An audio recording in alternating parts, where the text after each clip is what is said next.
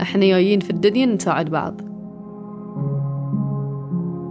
وإذا أي حد عاش حياته اليوم يشبه أمس ويشبه باكر فهو قاعد يسوي شيء ناقص بحياته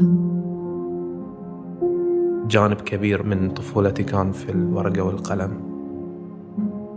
أنا على تمام الإيمان أن كل شخص فينا له رسالة ولما وصل هذه الرسالة ترجع أمانته لله سبحانه وتعالى.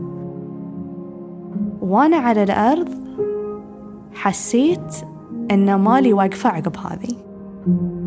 بين لحظات الحياة لحظة فاصلة غيرت مجرى الأمور. وبفضلها وصلنا إلى ما نحن عليه الآن. شفت الياهل على السرير؟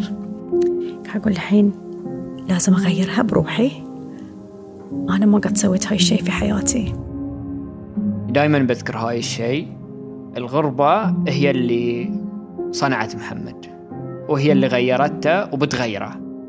أعتقد اختياراتنا في السفر وايد تشبه اختياراتنا في الحياة.